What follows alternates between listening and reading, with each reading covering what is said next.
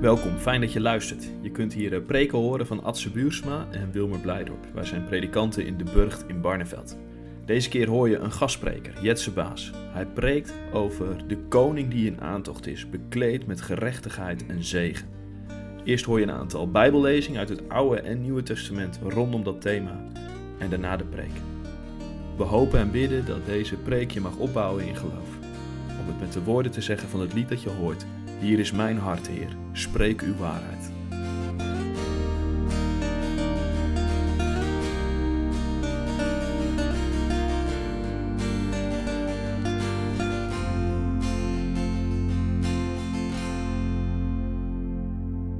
Leviticus 19, vers 11 tot 18. Steel niet, lieg niet en bedrieg je naaste niet. Leg geen valse eed af als je bij mijn naam zweert, want daarmee ontwijd je de naam van je God. Ik ben de Heer. Beroof niemand en pers een ander niet af. Betaal een dagloner zijn loon nog op dezelfde dag uit. Spreek geen vloek uit over een dove en plaats geen obstakel voor de voeten van een blinde. Toon ontzag voor je God. Ik ben de Heer. Wees niet partijdig wanneer je recht spreekt. Trek onaanzienlijke niet voor en zie machthebbers niet naar de ogen. Spreek rechtvaardig recht over je naasten. Breng het leven van een ander niet in gevaar door lastenpraat over hem rond te strooien. Ik ben de Heer.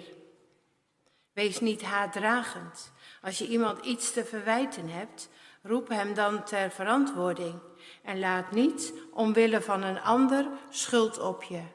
Blijf geen wraakzucht of wrok koesteren, maar heb je naaste lief als jezelf. Ik ben de Heer. En dan lezen we Matthäus 5, vers 17 tot 20. Denk niet dat ik gekomen ben om de wet of de profeten af te schaffen. Ik ben niet gekomen om ze af te schaffen, maar om ze tot vervulling te brengen. Ik verzeker jullie, zolang de hemel en de aarde bestaan, blijft elke jota, elke titel in de wet van kracht, totdat alles gebeurd zal zijn. Wie dus maar het minste van deze geboden afschaft en zijn anderen leert datzelfde te doen, zal als de minste worden beschouwd in het koninkrijk van de hemel. Maar wie ze onderhoudt en dat aan anderen leert, zal in het koninkrijk van de hemel in hoog aanzien staan. Want ik zeg jullie, als jullie gerechtigheid niet groter is dan die van de schriftgeleerden en de fariseeën, zullen jullie zeker het koninkrijk van de hemel niet binnengaan. En dan lezen we Jacobus, Jacobus 5, nee, Jacobus 3, vers 1 en 2. Broeders en zusters, u moet niet allemaal leraar willen zijn. U weet dat ons leraren een strenger oordeel te wachten staat. Hoe vaak struikelen we niet allemaal? Wie nooit struikelt in het spreken, kan zich een volmaakt mens noemen, die in staat is om ook het hele lichaam in toom te houden.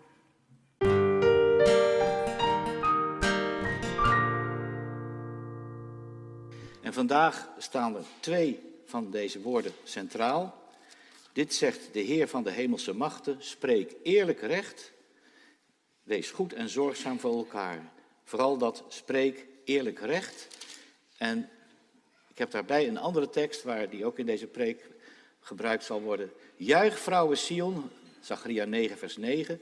Jeruzalem schreeuwt het uit van vreugde, je koning is in aantocht, bekleed met gerechtigheid en zegen. Nederig komt hij aanrijden op een ezel, op een hengstveulen, het jong van een ezelin.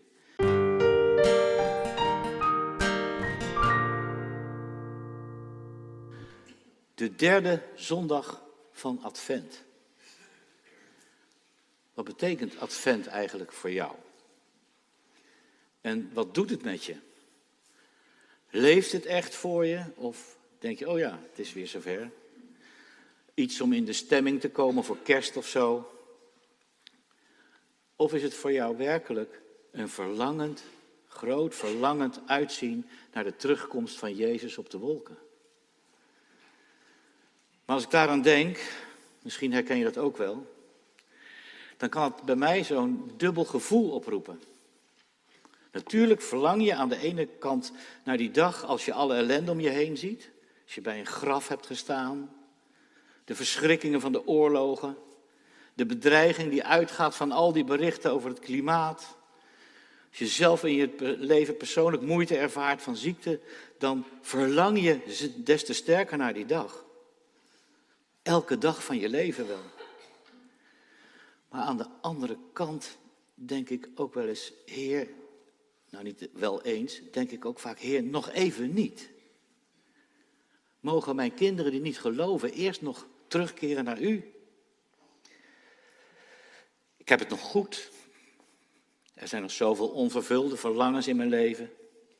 Of je bent jong en je hebt nog een heel leven voor je. Diploma halen, nieuw huis dat je gekocht hebt inrichten. Of als ouderen mijn kleinkinderen gaan groot zien worden, dat jubileum nog vieren. Als je zoals wij in gezondheid en in welvaart leven, kan dat het verlangen behoorlijk temperen. Dat is wel anders als je in een vluchtelingenkamp zit, bijvoorbeeld. En dan kan dat dubbele gevoel, misschien herken je dat ook wel, zo'n, ja, toch wel schaamte oproepen, want het is ook wel wat egoïstisch natuurlijk. En voel ik me er schuldig over. Ik weet dat wat komt veel en veel beter zijn, dat is nog geen, geen mensenhart opgeklommen, maar ik kan me er eigenlijk niks bij voorstellen. We besteden in deze tijd extra aandacht aan dat advent gebeuren. Maar het zou toch feitelijk elke dag van ons leven advent moeten zijn. We hebben deze, besloten deze weken in diensten, uh, deze diensten in te richten via de profeet Zacharia, die in Israël profeteerde na de ballingschap, dat is in de tijd van het Oude Testament, toen de Heer Jezus nog moest komen. En we lazen daarvan in hoofdstuk 7, spreek eerlijk recht, dat zegt de Heer van de hemelse machten. En er wordt natuurlijk nog meer achteraan gezet, maar daar heeft Adse vorige week ook al aandacht aan besteed.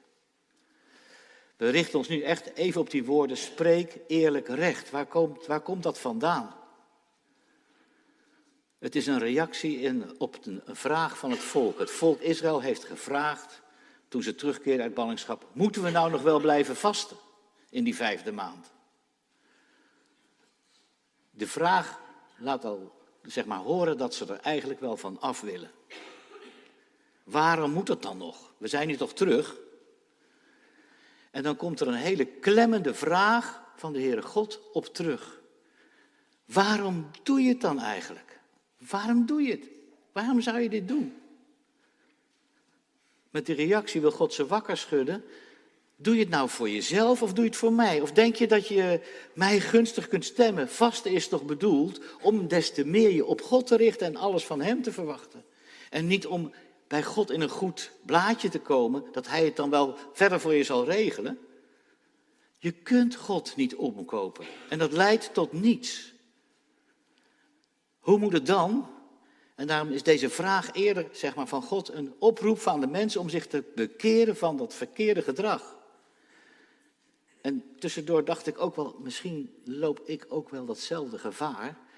Dat ik uh, naar de kerk ga, misschien wel twee keer per zondag. Ik lees elke dag uit de Bijbel, ik bid elke dag. Dat is prima op zich, maar het is altijd goed om je af te vragen, waarom doe ik dit al dat? Waarom beweegt mij dat? Wil ik misschien ook stiekem God een beetje paaien voor mezelf? Hem gunstig stemmen? Dat hoeft niet, moet je je steeds weer te binnenbrengen. Want God houdt al lang van jou. Dat heeft hij laten zien in de komst van zijn zoon om ons te redden. Maar wat betekent het dan voor mijn leven? Hoe kan ik toch meer gericht zijn op die dag? En dan komen we uit bij de woorden die de Heere Jezus, de Heere God via Zacharias heeft gezegd, spreek eerlijk recht. Er staat in de herziene statenvertaling, vel een betrouwbaar oordeel, betrouwbaar. Spreek eerlijk recht, dat past dus bij een leven zoals God het heeft bedoeld. Niet alleen maar vrome woorden, maar God wil zo graag dat hart van mij, dat hart van ons wat voor hem klopt. Maar waarom nou eerlijk recht spreken? Was het zo mis met de rechtspraak in die tijd in Israël? Nou, als ik lees in Jezaja, dan staat er in hoofdstuk 10, wee degene die onrechtvaardige wetten uitvaardigen, die de onderdrukking wettelijk bekrachtigen. Ze verdraaien het recht, staat daar. Klaarblijkelijk ging het dus helemaal mis met eerlijke rechtspraak. Toen, voor de ballingschap, maar na de ballingschap, gaat het volk weer precies dezelfde kant op. Het lijkt of ze een oude leventje weer gaan voortzetten. En dan te weten dat God zich bekend maakt als een heilige, rechtvaardige God. Psalm 11 zegt, rechtvaardig is de Heer. Hij heeft rechtvaardigheid lief. De oprechte zal zijn gelaat aanschouwen. En als ik kijk in Psalm 33, daar staat, oprecht is het woord van de Heer, alles wat hij doet is betrouwbaar. Hij heeft het recht en de gerechtigheid lief. Van de trouw van de Heer is de aarde vervuld. Bij God past dus geen onrecht. En dat vind ik zo mooi als Jezus wordt aangekondigd als de komende koning, dat hij ook wordt aangekondigd als bekleed met gerechtigheid en zegen, overwinning. Maar wat betekent dat nu? Bekleed met gerechtigheid. Kleren maken de man, zeggen we. Het zegt iets over je, hoe je bent. Nieuw jasje gekocht, een nieuwe broek, om er netjes uit te zien deze dagen. Dat zegt ook iets over mij, dat ik dat wil. Maar als ik naar een voetbalwedstrijd ga, dan trek ik het shirtje van, van mijn club aan. En dan, omdat ik fan van ze ben. Aan de buitenkant kun je dus zien hoe je, er, hoe je erover denkt. Dat zegt iets over jou. Bekleed, je bent er helemaal mee omgeven. En zo is de Heer Jezus bekleed met gerechtigheid. Het zegt gewoon iets over zijn wezen, hoe hij is. En ik weet niet of jullie dat ook hebben, maar dat woord gerechtigheid, dat klinkt vaak zo uitgesleten, een oud woord. Ik hoorde het van de week ook nog iemand zeggen, ja, wat betekent dat nou eigenlijk? Dat zegt niet zoveel meer. En je voelt wel aan wat het ongeveer betekent, eerlijk zijn, de juiste dingen doen. De eerste keer dat dit woord in de Bijbel voorkomt, het woord wat voor gerechtigheid staat, is bij Noach. Noach wordt een rechtschapen man genoemd. En wat betekent dat? Een man die recht doet, die eerlijk leeft. Maar iets verderop wordt het nog duidelijker als er in Genesis staat, hij wandelde met God. Dat is het dus. Je leven wandelen samen met God, je leven leven. Diepe verbondenheid met God. Gods wil en Gods woord doortrok heel Noachs leven. Overal God bij betrekken. Dat betekent niet dat Noach geen zonde meer deed. Denk maar aan de gebeurtenis in de tent in Genesis 9, waar hij dronken ligt. Maar het vertelt vooral iets over zijn intentie. We hebben gedeelte uit de bergreden gelezen en daar staan die, die, die bijzonder, zeg maar, indringende woorden. Als je gerechtigheid niet groter is dan die van de fariseeën, kom je mijn koninkrijk niet binnen. En eerder had Jezus al gezegd, zoek eerst het koninkrijk en zijn gerechtigheid en alles zal je bovendien geschonken worden. Zoek eerst het koninkrijk en zijn gerechtigheid. Dat zijn dus twee woorden die helemaal bij elkaar passen, een eenheid vormen. Koninkrijk en gerechtigheid horen bij elkaar, omdat God, de rechtvaardige koning, de koning van dat rijk is. En dat degene die komt ook bekleed is met die gerechtigheid.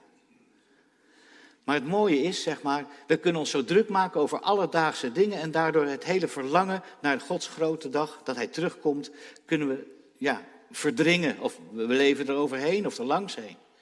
Maar er is maar één ding nodig, niet die drukte over al die alledaagse dingen, maar hoe sta ik in relatie tot het koninkrijk van God? Er staat Gods koninkrijk en zijn gerechtigheid zoeken.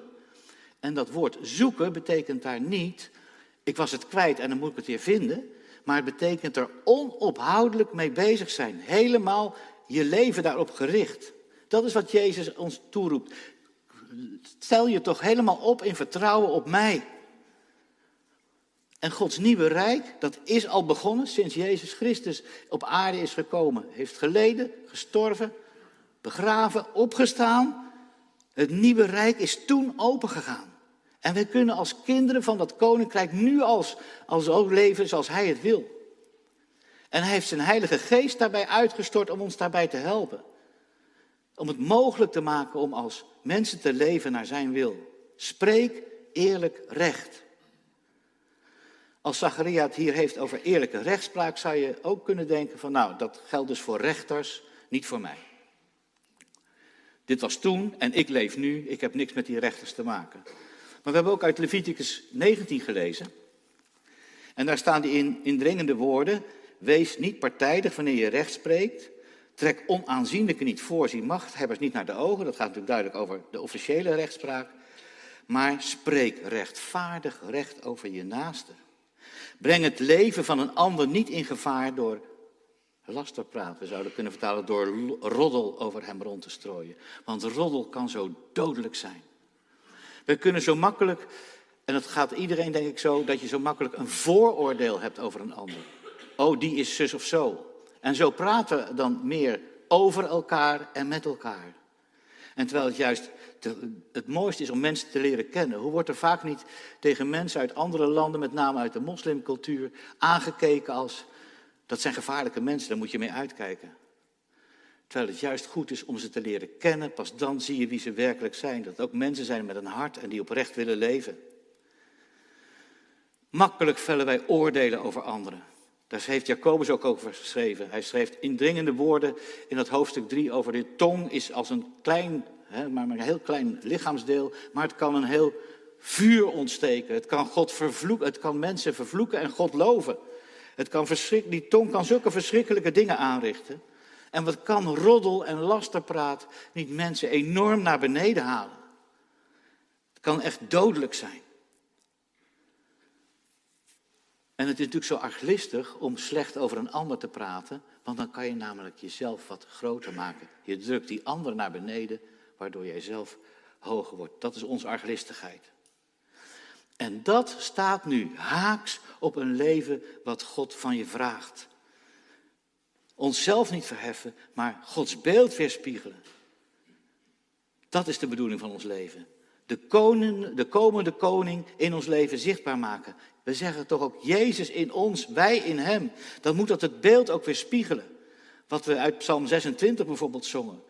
Dat we oprecht zijn en oprecht leven. Dat gaat over die komende koning. En wij mogen dat beeld nu al in ons leven hier weer spiegelen.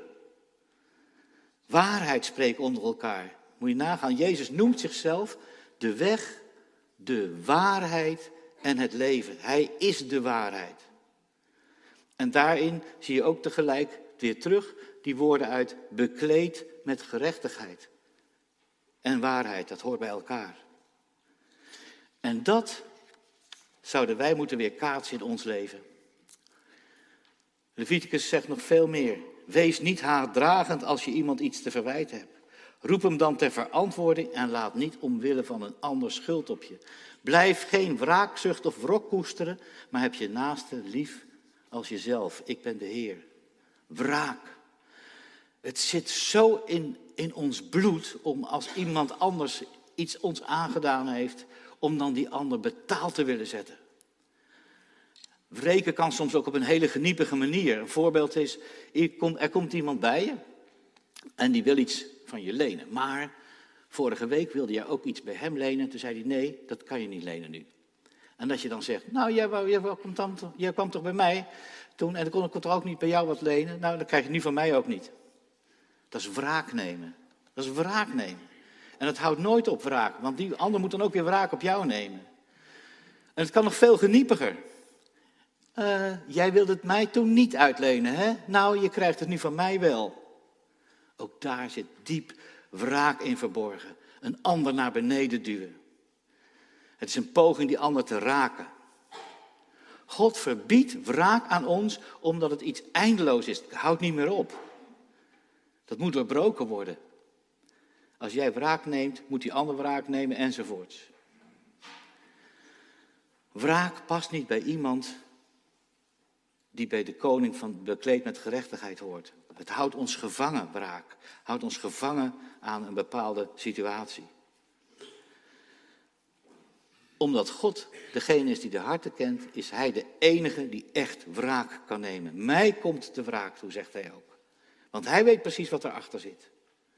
En mijn moeder zei het altijd al, als je ergens kwaad over bent, Jetse, moet je eerst tot tien tellen.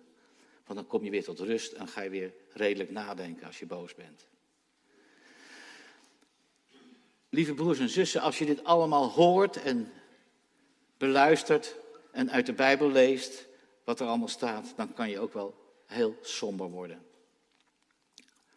Dat er een een of ander machteloos gevoel bij je overkomt. Ik, ik kan het gewoon niet, ik, ik red het niet. En dat zou juist een ideale houding zijn om Advent te vieren. Om uit te kijken naar degene die komt. Ik kan het niet. Heer, ik heb uw genade nodig. Paulus die heeft in dezelfde situatie verkeerd als wij vandaag. Hij schrijft in Romeinen 7, ik begrijp niet wat ik doe. Want ik doe niet wat ik wil, ik doe juist wat ik haat.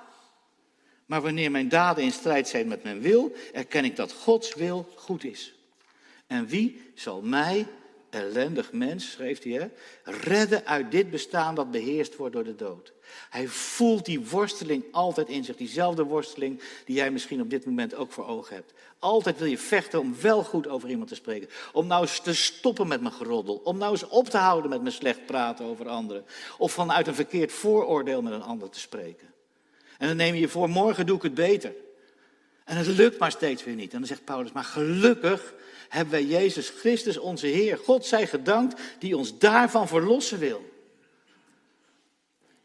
Dat mag ons, zeg maar, dit mag ons dus allemaal op de knieën brengen en doen uitzien naar de komst van onze Heer. En dan wordt opeens Advent iets anders. Daar heb je elke dag dus mee te worstelen met jezelf om uit te zien naar de Heer die komt.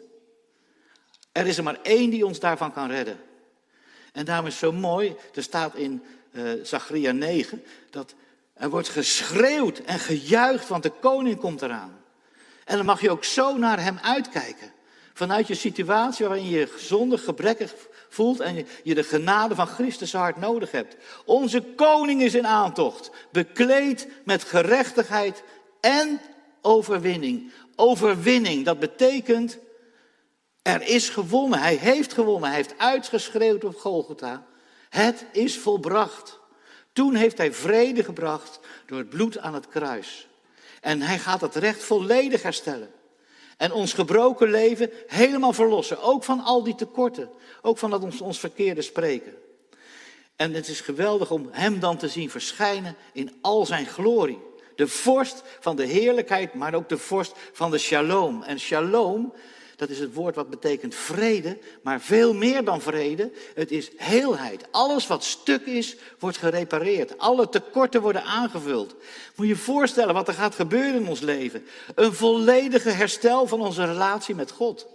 Een volledig herstel van de relatie met jezelf. Een volledig herstel van de relatie met je naaste en de relatie met je schepping. Alles wordt volledig hersteld. Wat zal dat een feest zijn? En daarom mogen we daarnaar uitkijken, want alle eer is dan voor Hem. Hij gaat het rechtzetten. Wij krijgen het in eigen kracht nooit voor elkaar. Dat betekent niet laat je hoofd maar hangen. Nee, we moeten doorgaan. Om zijn beeld te mogen weerspiegelen in deze wereld. Dat mensen aan ons ontdekken. Wat is dit? Waar zijn jullie mee bezig? Waar komt dat vandaan? Je mag tot de dag dat Jezus terugkomt blijven oefenen in het leven naar zijn beeld. Hij heeft zijn Heilige Geest daarvoor aan je beloofd en gegeven. En om, ons zo te helpen om elke dag, iedere keer weer als het fout gegaan is, naar Hem te kunnen terugkeren en toe te leven naar Zijn komst, dat dat niet meer nodig is. Want dan zullen we volmaakt leven. En dat doet mij echt uitschreeuwen van vreugde. Je koning komt. Kom, Heer Jezus, kom.